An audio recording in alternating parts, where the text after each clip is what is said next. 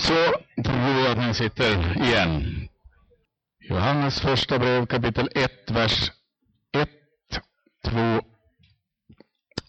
och 3. Det som var till från begynnelsen, det vi har hört, det vi har sett med egna ögon, det vi har skådat och har tagit på med våra händer, det är vårt ärende, livets ord. Ja, livet blev synligt. Vi har sett det och vittnar om det. Och vi förkunnar för er det eviga livet som var hos Fadern och blev synligt för oss. Det vi har sett och hört förkunnar vi för er, för att också ni skall vara med i vår gemenskap, som är en gemenskap med Fadern och hans son Jesus Kristus. Här ser vi att bibelordet i grunden handlar om gemenskap. Alltså att vi är efterfrågade av Gud. Adam, var är du? Att Bibeln i sin grund handlar om att Gud söker människan som har vänt sig bort ifrån honom. Och jag gillar den här första versen, för den beskriver ett sånt fantastiskt skeende. Det som var till från begynnelsen, här är någonting helt abstrakt. Vem av oss här inne kan egentligen säga någonting om det?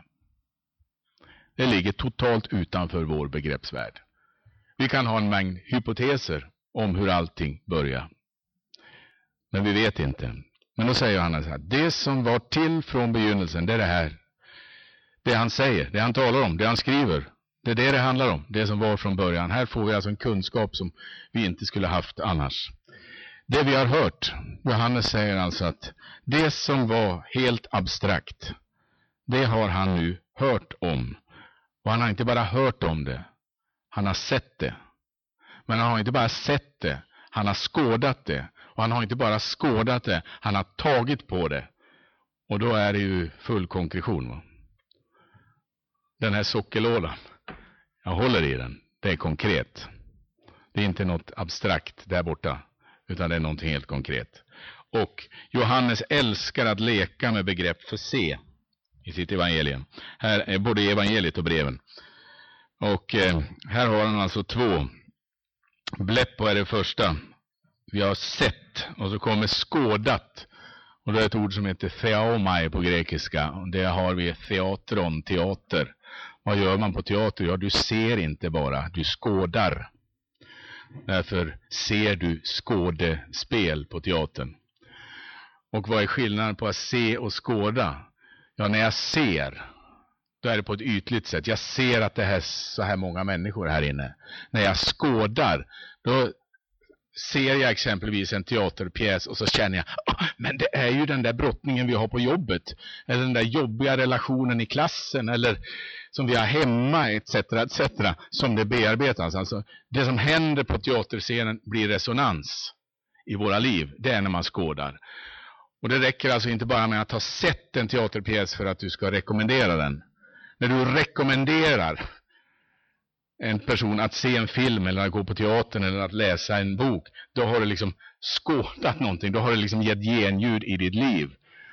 Och för Johannes har det inte bara gett genljud, han har också tagit på det och det är oerhört konkret ord, alltså tänker en lesstång. Det är ett mörkt rum och en lesstång, man ska upp på övervåningen, man vet där borta i trappen någonstans och så hittar jag lesstången. Tjong! Ah, håller jag mig i den här så tar jag mig upp. Och då, liksom, då håller man sig i den där och så kommer man upp. Alltså det är att, att gripa om det. Och Johannes har alltså insett, det som var från begynnelsen, det har jag fått kunskap om. Jag har hört det. Men jag har inte bara fått kunskap om, jag har sett det påtagligt, det är uppenbarat i min värld. Och det jag har sett uppenbarat i min värld, det har gett resonans i mitt liv. Så att jag till och med har tagit konsekvensen och gripit om det. Det är vårt ärende, livets ord. Alltså då handlar ordet inte bara om en kunskapssida, utan det handlar om någonting mycket, mycket mer. Det handlar inte bara om att höra, lära sig någonting om hur det var i begynnelsen. Utan det handlar om att det ska ge resonans någonstans.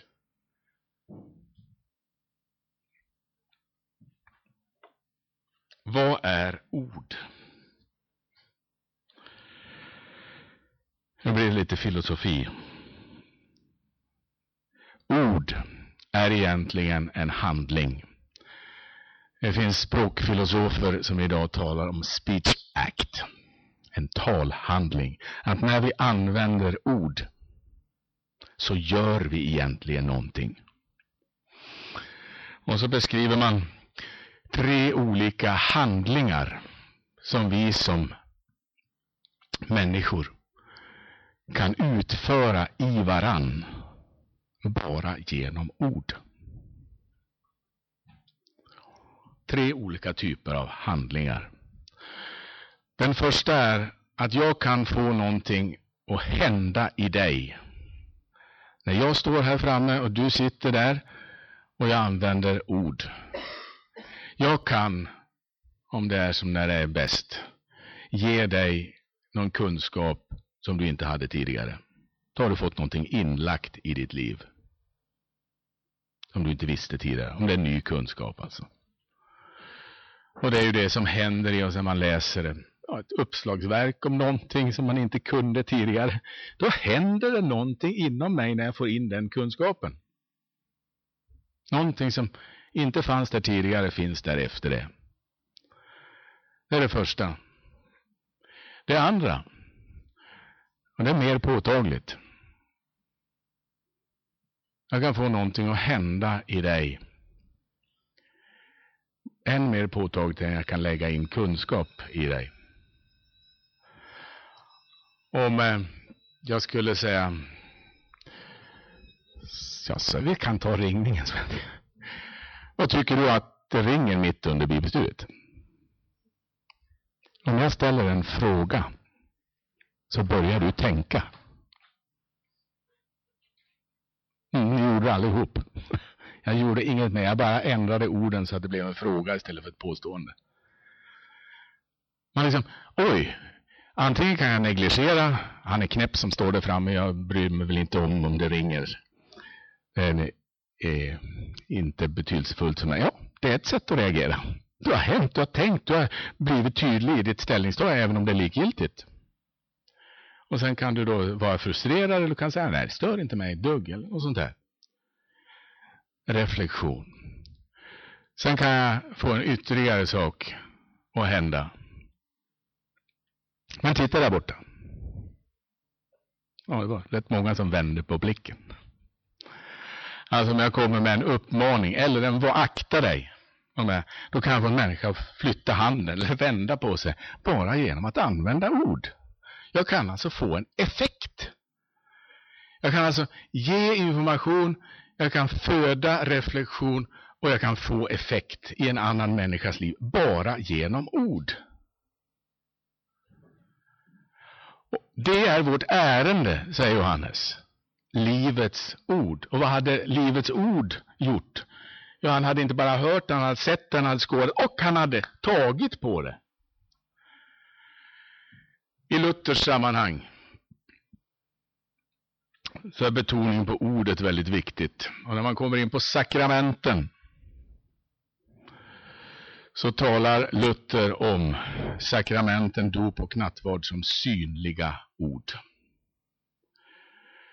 Det som är verksamt i sakramenten är först och främst inte brödet och vinet och vattnet.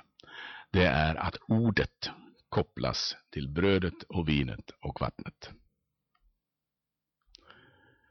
Och därför, säger Luther, så är ordet det egentliga sakramentet.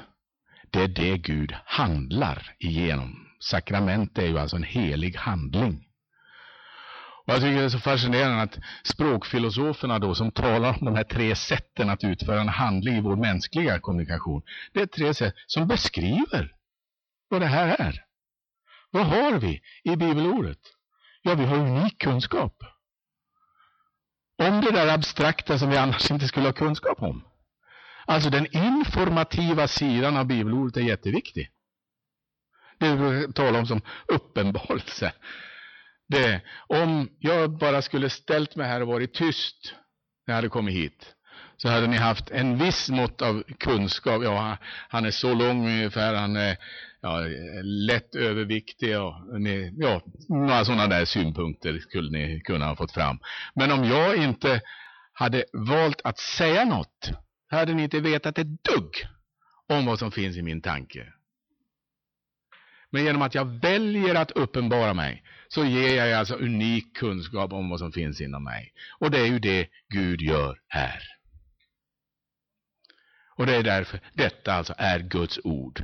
Att Gud vill säga oss något genom allt det som finns här.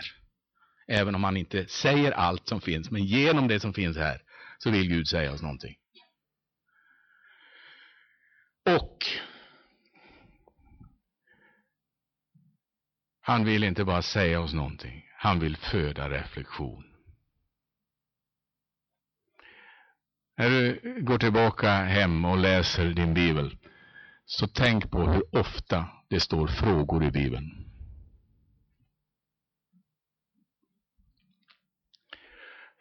Första, alltså, när Gud söker människan i lustgården efter syndafallet, så kommer inte ett påstående från Gud. Gud säger inte, Adam, jag ser dig bakom busken. Vilket jag är fullständigt övertygad om att Gud gjorde. Den allseende är ju ett av hans namn. Det är klart han såg Adam och Eva när de satt och tryckte bakom busken. Men han kommer inte bara med ett påstående. Utan han vill att Adam, det betyder människa. Adam, var är du? Mm. Han vill föda reflektionen i människan, att hon ska börja fundera, ja men var är jag någonstans? Och när Jesus möter den lame mannen i Betestadammen. Vill du bli frisk? Och när man följer Jesus berättelser gång på gång, fråga på fråga. Vill också ni gå bort? Hela tiden den här reflektionen. Var befinner du dig? Alltså, Bibeln talar om att du är efterfrågad, för när man då får en fråga då blir det betydelsefullt vad jag anser. Alltså en fråga får jag aldrig höra, utan bara få påståenden. Då, ja, vad, är jag, vad betyder jag att jag är? Men bibelordet är alltså ett budskap från Gud om att varje människa är unikt värdefull. Och Gud vill upprätta, förlåta och ge en nystart till varje människa. Och därför är uppenbart ordet givet på ett sätt så att det föder reflektion.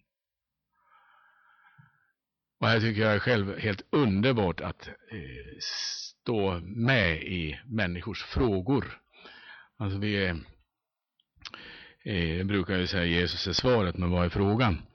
Och det kan vara väldigt nyttigt att först stanna till och fundera, vad, vad är det för frågor människor egentligen ställer? Och så gå ut på, på vandring. Ta Johannes evangeliet, det är samma sak där. Alltså, Andreas, förmodligen Johannes, de har varit lärjungar till Johannes döparen och så kommer de till Jesus och så frågar de Mästare, var bor du? Ja, då tänker vi som västerlänningar, ja, Jesus ska väl svara nu, Kafarnaum. Nej, han säger inte Kafarnaum, utan han säger, kom med och se. Alltså han tar med sig lärjungarna på vandring för att inte bara ge dem ett svar utan för att ge dem en erfarenhet.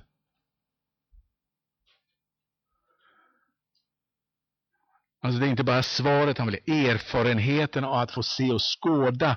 Ja men här börjar ju det hetta till i mitt liv. Och så går hela berättelsen i Johannes evangeliet och så kommer de till graven där. Petrus och Johannes.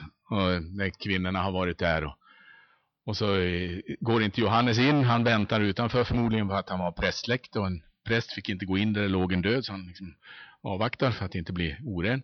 Men Petrus då som inte är prästsläkt han springer rakt in och så är det ingen här. Och då går också Johannes in som det står och så står det och han såg och trodde. Så följ med och se och så får vi vandra. Och så kommer vi fram till uppståndelsen. Så blir erfarenheten av den uppståndne att det här är någonting som inte bara är en teoretisk lärosats, utan det är någonting som faktiskt har hänt. Det är, jag har en sån ljuvlig berättelse. En eh, pingstpastor som åkte till Israel.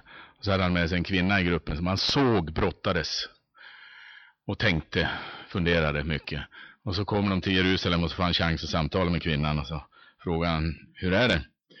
Ja, hon berättar att hon brottas med livet och med tron och har en mängd frågor och så. Om vem Jesus är och vad han har gjort och vad han betyder och så. Och så tänkte jag, säger hon till pastorn, att om jag åker till Jerusalem så, så kanske jag kan få svar. Då lär pastorn ha svarat, och så åker du hit. Den enda plats på jorden om vilket det sägs, han är inte här.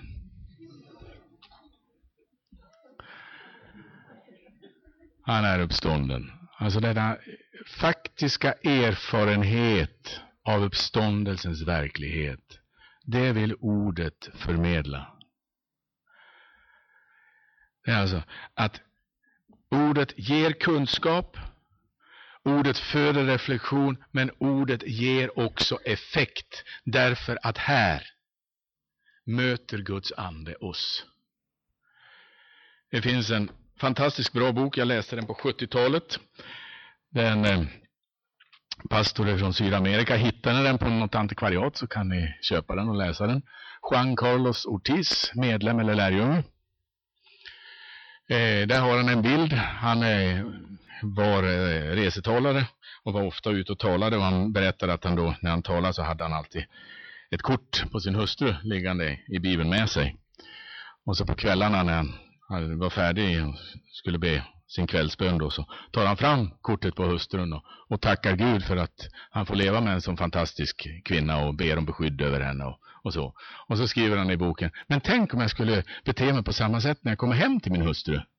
Och så skulle sätta mig i köksbordet, slå upp Bibeln, ta fram kortet, lägga kortet på köksbordet, titta på kortet och så tacka Gud för att jag har en fantastisk hustru att leva med. Då skulle min hustru tro att jag var tokig. Hon skulle stå bredvid och säga, men du kan ju tala med mig. Jag är ju här nu. Oh. Jag är ju här nu. Du behöver inte bara se på kortet. Alltså, det här är alltså inte bara en berättelse om. Det är ett möte med. Ord är kommunikation. Och att få erfara att Gud talar rakt in i våra liv genom ordet. Och där är vi ofta. Och det är när vi ber tillsammans så ska vi alltså alltid vara beredda att ha det där stillsamma lyssnandet. Att få vara Herrens munnar för varann. Att få ge hälsningen. Om det väcks en bibelvers, ja men slå upp den då. Och läs den. Och är det inte alldeles backitok så kan du citera den till din gode vän och säga, ja jag fick den här bibelversen, du kanske behöver den. Och eh, den är så här och så läser du upp den. Du behöver inte alls ha några sådana där tvärsäkra formuleringar att jag upplevde att Guds ande sa till mig att du skulle ha det här ordet. Du behöver inte vara överfrom på det sättet. För är Guds ande i verksamhet så blir det klockrent. Hur osäker du än är i formuleringen. Så låt Guds ande stå för det. Det är farligt om vi gör oss till liksom den där som ska veta vad som är perfekt rätt. Utan istället ge det där enkla. Det där kanske också i tveksamhet. Men ibland så blir det då klockrena träffar. Och då stärks både din tro och den människas tro som du förmedlar det till. Att få vara sedd av Gud. Så att precis som ordet ger kunskap, föder reflektion och ger effekt i medmänsklig relation, så vill alltså Gud genom sitt ord ge unik kunskap, ta fram det som finns unikt i var och en av oss av reflektion, tanke, bearbetning, frustration, för att vi ska få bli sedda som människor. Men Gud vill också förändra våra liv. Han vill att ordet ska få effekt i våra liv. Och kristet liv går alltid inifrån och ut, inte utifrån och in. Det börjar i hjärtat. Det börjar i inställningen. Det börjar med sökandet efter Gud.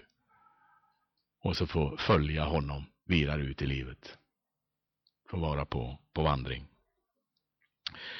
Det var lite grann om ordet om och från himlen som vi är kallade att ta emot och kallade att förmedla. Nu ber vi. Herre Jesus, jag ber dig att vi ska få bära ordet om himlen på ett tydligt sätt. Jag ber dig att du ska förnya ständigt vårt umgänge med det ord som du har uppenbarat i en mängd olika former, i en mängd olika historiska situationer. Jag ber dig att vi både ska få höra, läsa, studera, memorera och meditera det. Jag ber dig att vi ska få leva med dig utifrån trosläran, att bli trygga i vad kristen tro handlar om. Men också att vi ska få leva i det utifrån vårt konkreta liv och få erfara hur du genom din Ande talar rakt in i våra liv genom ditt ord. Så ber jag dig att vi ska få bära himlen på detta påtagliga sätt, vara trygga i att genom ditt ord så finns himlen närvarande i vår värld, mitt i det paradoxala. Det kan synas litet ibland, men kan växa och bli jättestort, därför att kraften finns i ordet. Och att stärka också vår tro, Herre, att varje människa kan få erfara himlen, din närvaro mitt i sin värld, därför att du finns där och vill möta honom eller henne där. Så ber jag också att vi ständigt ska få leva i de här tre dimensionerna. Både ordet som kunskapsgivare som ger oss information om saker som vi annars inte skulle kunna ha någon vetskap om. Sen att vi ska reflektera aktivt, samtala, brottas, men också få erfara effekten av ordet. Att du föder liv i oss genom ditt ord.